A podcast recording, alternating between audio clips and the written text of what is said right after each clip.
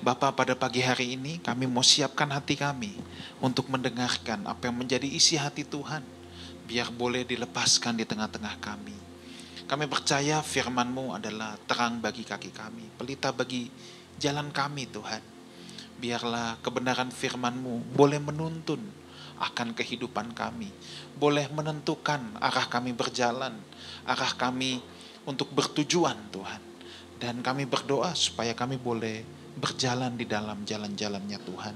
Kami tidak mau seperti domba yang sesat yang mengambil jalan kami sendiri, tapi kami mau dituntun oleh Sang Gembala kami yang agung Tuhan Yesus. Itulah sebabnya kami buka hati kami Tuhan untuk menerima kebenaran firman-Mu. Kami menyediakan tanah hati kami seperti tanah hati yang subur, supaya firman-Mu boleh berbuah lebat dalam hidup kami. Terima kasih dalam nama Tuhan Yesus kami berdoa. Amin. Sama-sama kita duduk, kita sangat diberkati. Sebelumnya kungsi facai buat Bapak Ibu Saudara yang merayakannya. ya. Mari kita siapkan hati kita, kita akan mendengarkan kebenaran firman Tuhan. Pastor Ruli, saya persilakan.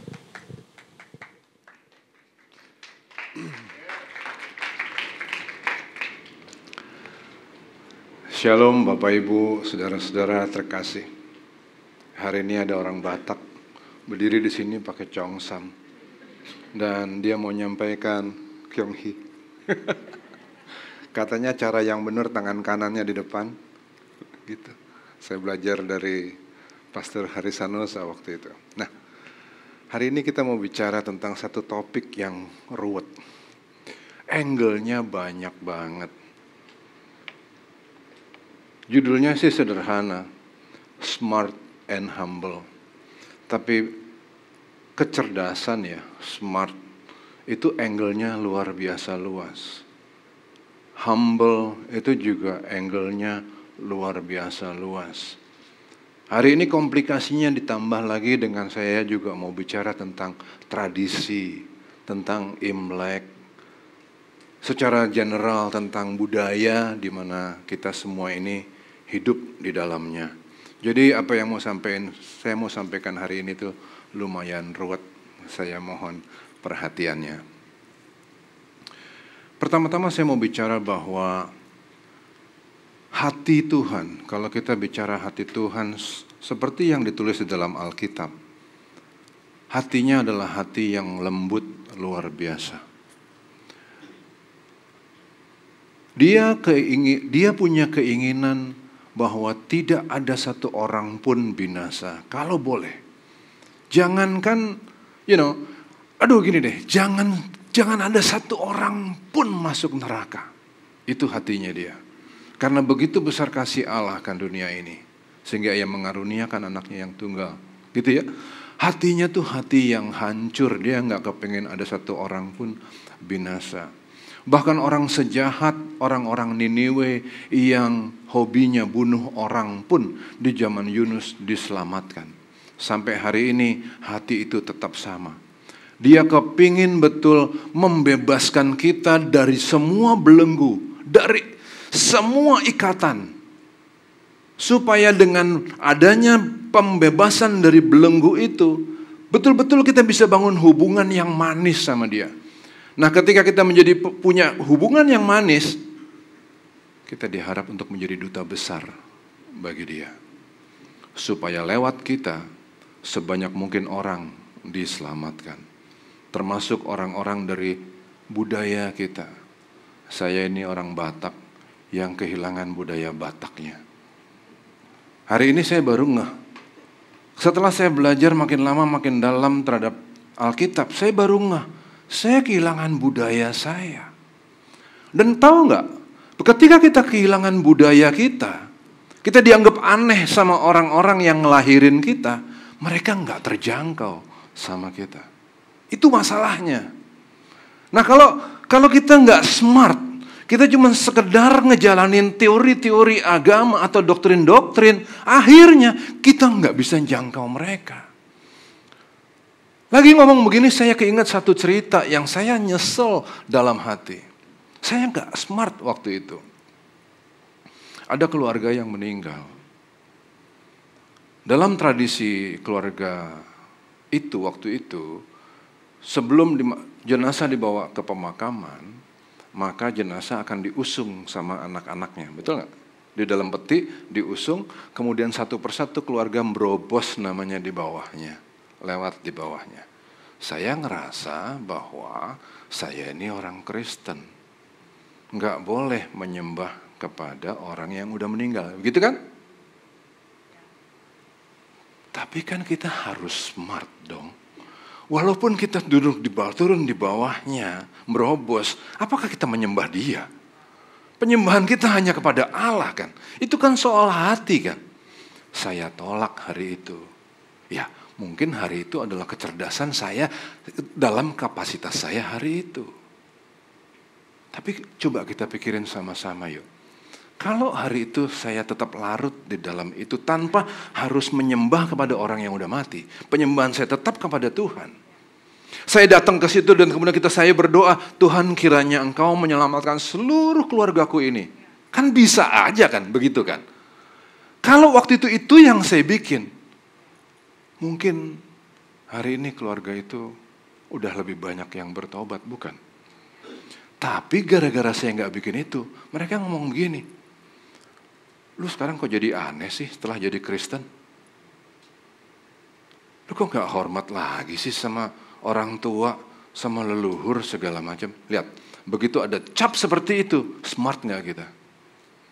Kita kehilangan generasi itu. Dan saya ingat apa yang disampaikan Pastor Rubin Ong minggu lalu, dia bilang, ketika kita kehilangan satu generasi, kita kehilangan satu benih, rusak sehutan. Kacau kan.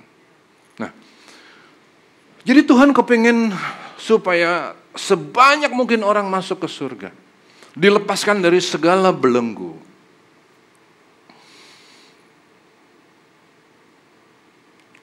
Di tahun 60-an dan 70-an, ada satu generasi di Amerika yang disebut dengan flower generation.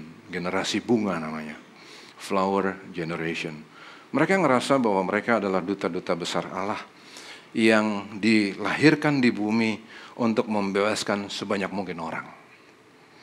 Supaya orang itu terbebas dari perang Vietnam, dari kebencian antar sesama. Bagus dong idenya.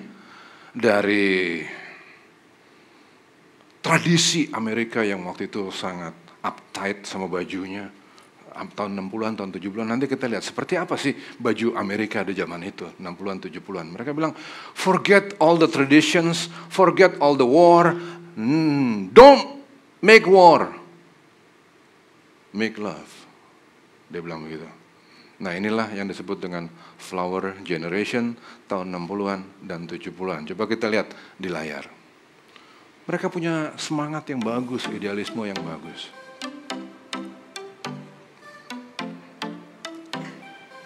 Bajunya Amerika zaman itu. Ah.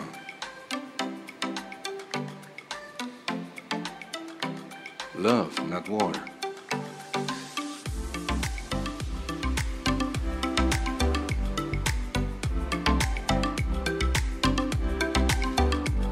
Tapi belakangan ternyata gerakan ini rada kurang smart.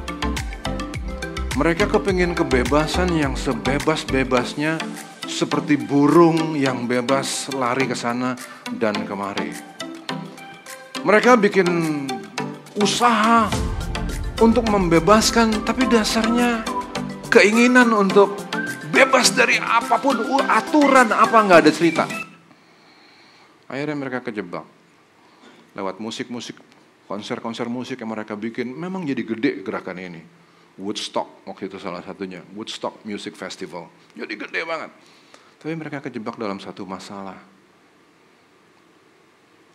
Drugs, seks, seks bebas sebebas-bebasnya. Waktu itu itu yang terjadi kan. Setelah mereka keikat di dalam cerita tentang seks dan ke, narkotik, nggak selesai problem mereka. Mereka lupa mempertimbangkan apa yang ditulis di dalam firman Tuhan. Tak seorang pun dapat mengadi, mengabdi kepada dua Tuhan. Karena jika demikian ia akan membenci yang seorang dan mengasihi yang lain. Atau ia akan setia kepada yang seorang dan tidak mengindahkan yang lain. Kamu tidak dapat mengabdi kepada Allah dan kepada Mammon. Nggak ada kebebasan yang seperti itu. Hari ini Bapak Ibu Saudara-saudaraku, kita memang adalah orang-orang yang sudah dibebaskan. Tapi kebebasan kita jangan cuma dipakai untuk cuma sekedar cari uang. Jangan cuma sekedar untuk cari kesehatan. Itu bagus semua, nggak ada yang salah. Memang kita harus punya uang, kita harus sehat. Tapi ingat, ada sesuatu yang lebih penting yang Tuhan percayain kepada kita yang sudah dibebasin ini, yaitu supaya kita menjadi duta besar. Supaya kita bisa masuk ke banyak mungkin kelompok, kepada banyak mungkin orang, supaya kalau bisa lewat kita, nggak satu orang pun binasa. Kalau kita cari bebas, bebas-bebasnya seperti yang dibuat sama Flower Generation itu, kita pasti akan kejebak pada hal yang sama seperti yang mereka hadepin. Problem lagi, problem lagi. Kita pikir sehat bikin kita jadi orang yang keren? Belum tentu. Saya punya banyak teman-teman yang waktu itu ikut lari sampai ke maraton, sampai ke Berlin, sampai ke Boston, sampai ke mana-mana mereka lari. Apakah mereka jadi happy? Enggak, mereka pikir mereka bebas dengan cara itu, mereka bebas dari sakit, mereka fit luar biasa. Tapi dalam hatinya ada yang kosong, tetap ada yang kosong. Ada problem lain yang datang lagi, ada problem lain yang datang lagi. Be smart. Nggak ada kebebasan yang bebas seperti burung tuh nggak ada, karena kita bukan burung. Nggak ada. Justru yang keren adalah ketika kita dibebasin, kita jadi umat tebusan, pakai kebebasan kita itu untuk membangun hubungan dengan Allah. That's smart. That's smart. Nah hari ini banyak emang orang datang ke gereja, banyak. Tapi apakah karena mereka kepingin bangun hubungan? Belum tentu. Coba tanya 10 dari orang-orang Kristen di sekeliling kita. Kenapa mereka hari ini datang ke gereja? Kenapa mereka nyanyiin lagu pujian? Kenapa mereka berdoa? Jawabannya? Kira-kira apa? Apa, Bang Simon? Supaya masuk surga kan? Supaya jadi supaya masuk masuk surga kan? Alasannya kayak itu kan? Is that smart? Supaya masuk surga. That's not too smart. Dua minggu yang lalu Pastor Elia Makarawung ada di sini. Dan saya tergerak banget sama penjelasan yang disampaikan sama Pastor Elia Makarawung. Disampaikan bahwa, look, dengan datangnya Yesus di dunia ini pada waktu itu, hari ini telah lahir juru selamat bagimu. Begitu kan? Lukas 2 ayat 11. Yaitu Mesias Tuhan Messiah the Lord gitu kan. Tuhan. Tuhan itu apa? Tuhan itu adalah pemilik sistem kerajaan. Gitu kan? Jadi telah lahir Yesus yang membawa kerajaan Allah itu ke bumi. Betul kan? Kalau begitu maka surga udah ada di bumi atau belum? Enggak nangkep ya. Pada hari ini ketika kita ada di, di sini, diem di sini, dan di mana pun kita di rumah kayak di kerjaan kayak, apakah kita ada di dalam surga? Jawaban kita apa? Kepecah nih, ada yang ngangguk? Iya. Ada yang, enggak, gue enggak di surga.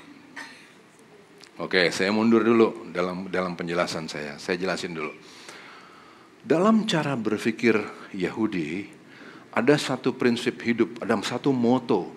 Motonya begini dalam bahasa Ibrani. Dalifne mi'atah omet. Ulangin. Dalifne mi'atah omet. Sekali lagi ulangin. Satu, dua, tiga. Dalifne mi'atah. Artinya, sadarilah di hadapan siapa saudara sedang berdiri. Sadarilah di hadapan siapa saudara sedang berdiri. Kenapa? Karena nggak ada tempat, nggak ada waktu di mana kita tidak berada di hadirat Allah. Enggak ada. Lagi di kantor, kita ada di hadirat Allah. Lagi di rumah, kita di hadirat Allah. Di semua tempat, lagi diving di bawah laut, kita di, di hadirat Allah. Nah, itu konsep Yahudi zaman dulu ya. Kemudian itu di, diwujudkan sama Tuhan Yesus. Apa sih Tuhan itu? Tuhan adalah penguasa atas sistem kerajaan. Saya ulangin ya. Tuhan adalah penguasa atas sistem kerajaan. Adakah damai sejahtera di surga? Ada? Ada sukacita di sana? Ada? Ada keadilan? Ada? Kenapa? Ini Pastor Elia Makarawung nih dua minggu lalu yang jelasin. Kenapa ada semua sukacita, keadilan, keindahan di sana? Kenapa? Karena ada sistemnya. Ya, Nah sistem itu dihadirin di bumi oleh Yesus. Jadi sekarang cara berpikirnya, fondasi berpikirnya orang Yahudi selalu bilang, nggak ada waktu, nggak ada tempat di mana saudara tidak berada di hadirat Allah. Sekarang diwujudin di zaman perjanjian baru. Yesus hadir menghadirkan surga. Jadi hari ini kalau kita hidup di sini kita tarik nafas di mana pun kita, adakah kita di dalamnya? Di surgakah kita? Jawabannya iya. Itu cara berpikir yang smart. Nah sekarang dengan cara berpikir yang smart itu, kalau kita ada di dalam surga, bersikaplah pantas di sana. Gitu.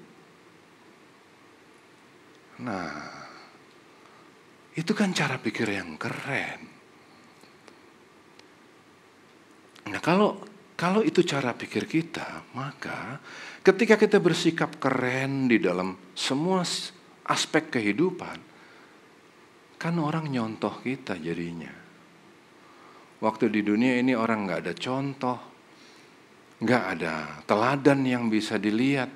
Mereka lihat kita. Nah itulah makanya kita dikirim sebagai duta-duta besar yang cerdas untuk menyelamatkan sebanyak mungkin jiwa. Itu dia yang Tuhan rindukan.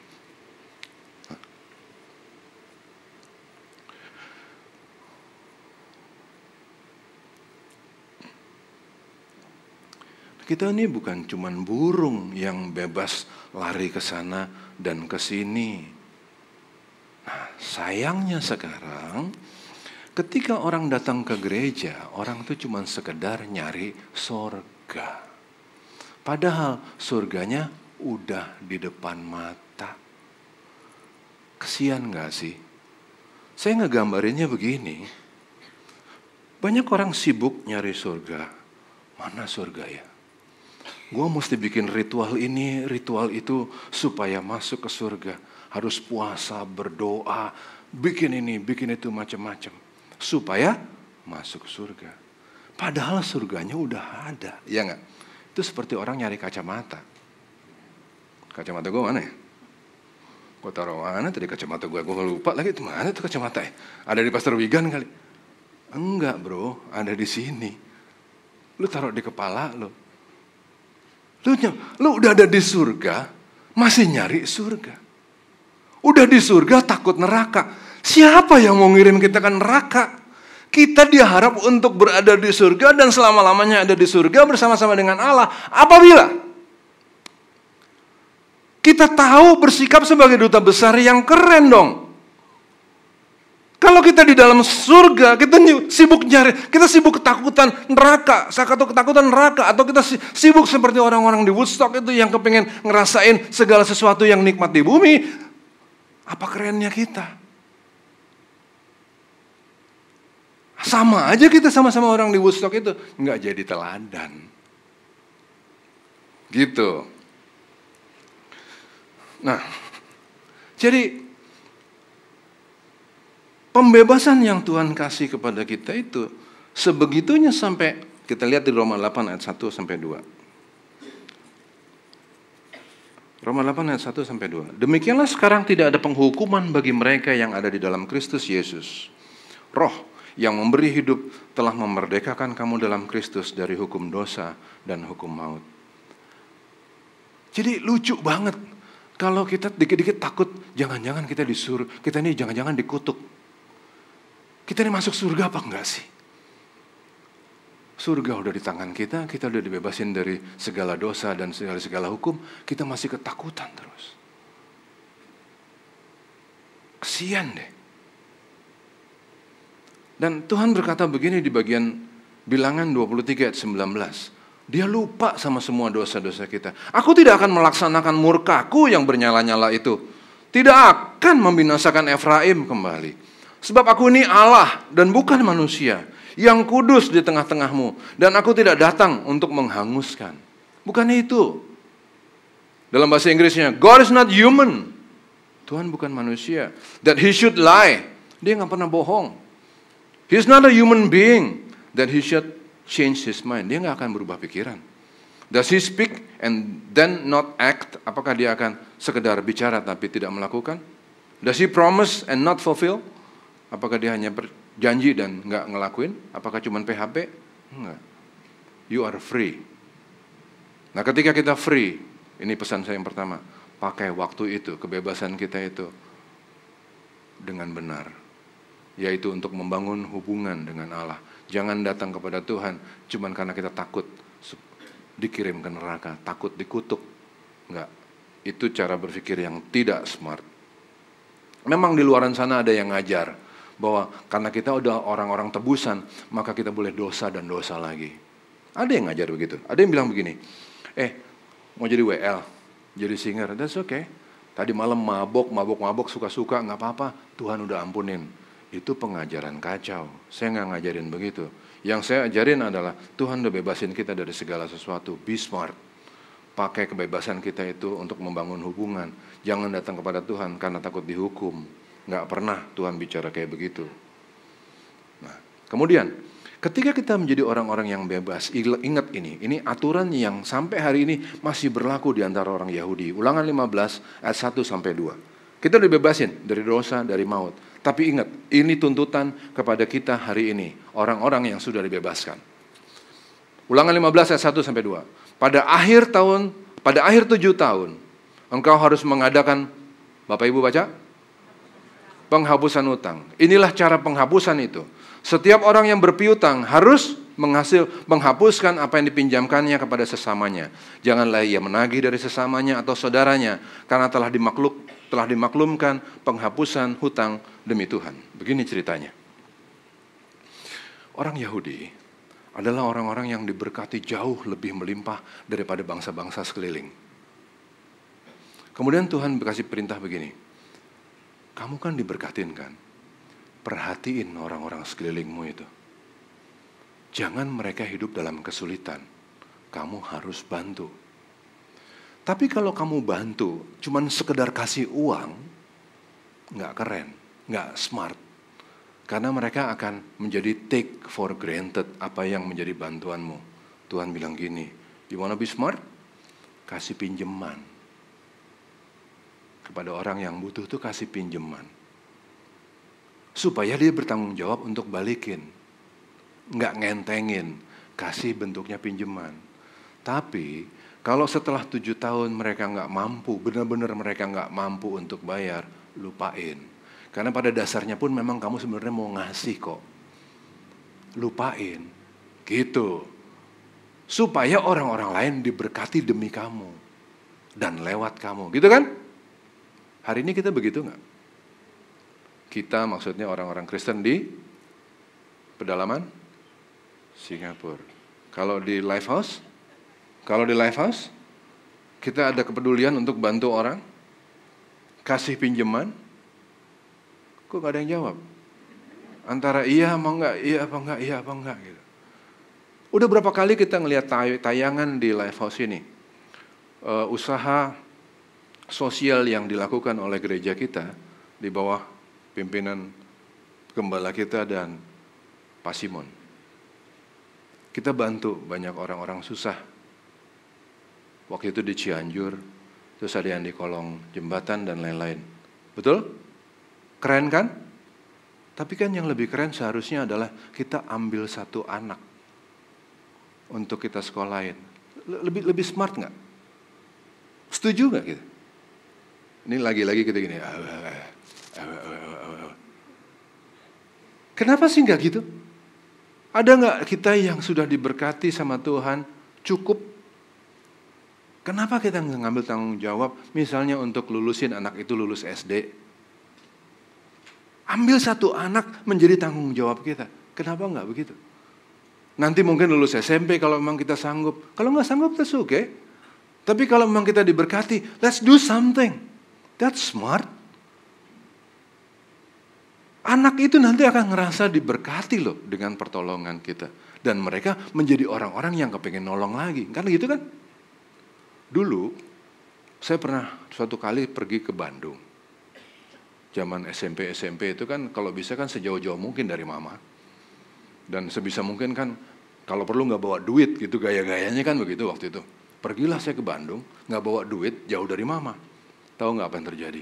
Saya tidur di pasar Saking segitu blow onnya kita, saya pergi sama teman, teman bilang nanti gue lu tinggal gampang lah, nanti kita tinggal di sana di rumah saudara gue lah segala macam.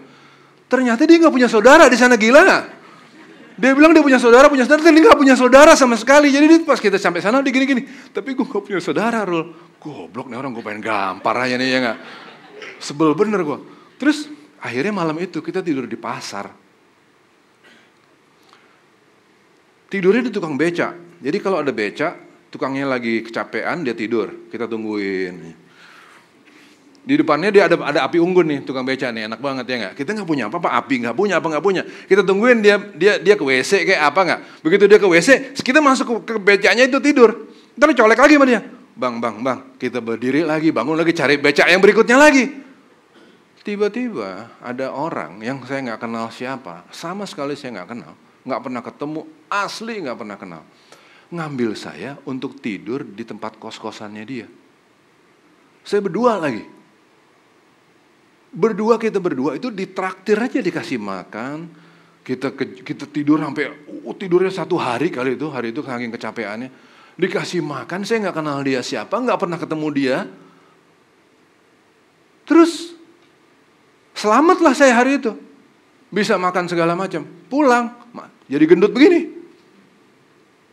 Gara-gara perbuatan baik orang itu. Tahu gak? Perbuatan dia itu begitu membekas buat saya. Hari ini, saya ingat itu terus dan tergugah. Kalau bisa saya bikin sesuatu buat orang awil. Nah, kalau kita bikin itu kepada anak-anak tadi itu, kita kan bangun suatu legenda, satu legacy dalam hati hidup mereka, bukan? Why don't we do it? Jadi nggak cuma teori and that's very smart. Nanti lewat anak-anak itu mereka akan dimenang, mereka akan menangin lagi orang-orang lain. Rusak satu benih, rusak sehutan. Tapi kalau satu benih itu kita ambil, jadi keren. Nah, saya masuk kepada pengalaman Naaman. Ada satu orang namanya Naaman. Satu orang namanya Naaman. Naaman ini adalah orang penting di negerinya. Dan rupanya dia sakit. Dua Raja-Raja 15 ya. Satu Raja-Raja 15. Nah, orang ini sakit. Ya betul, dua Raja-Raja 5 ayat 15. Dia sakit.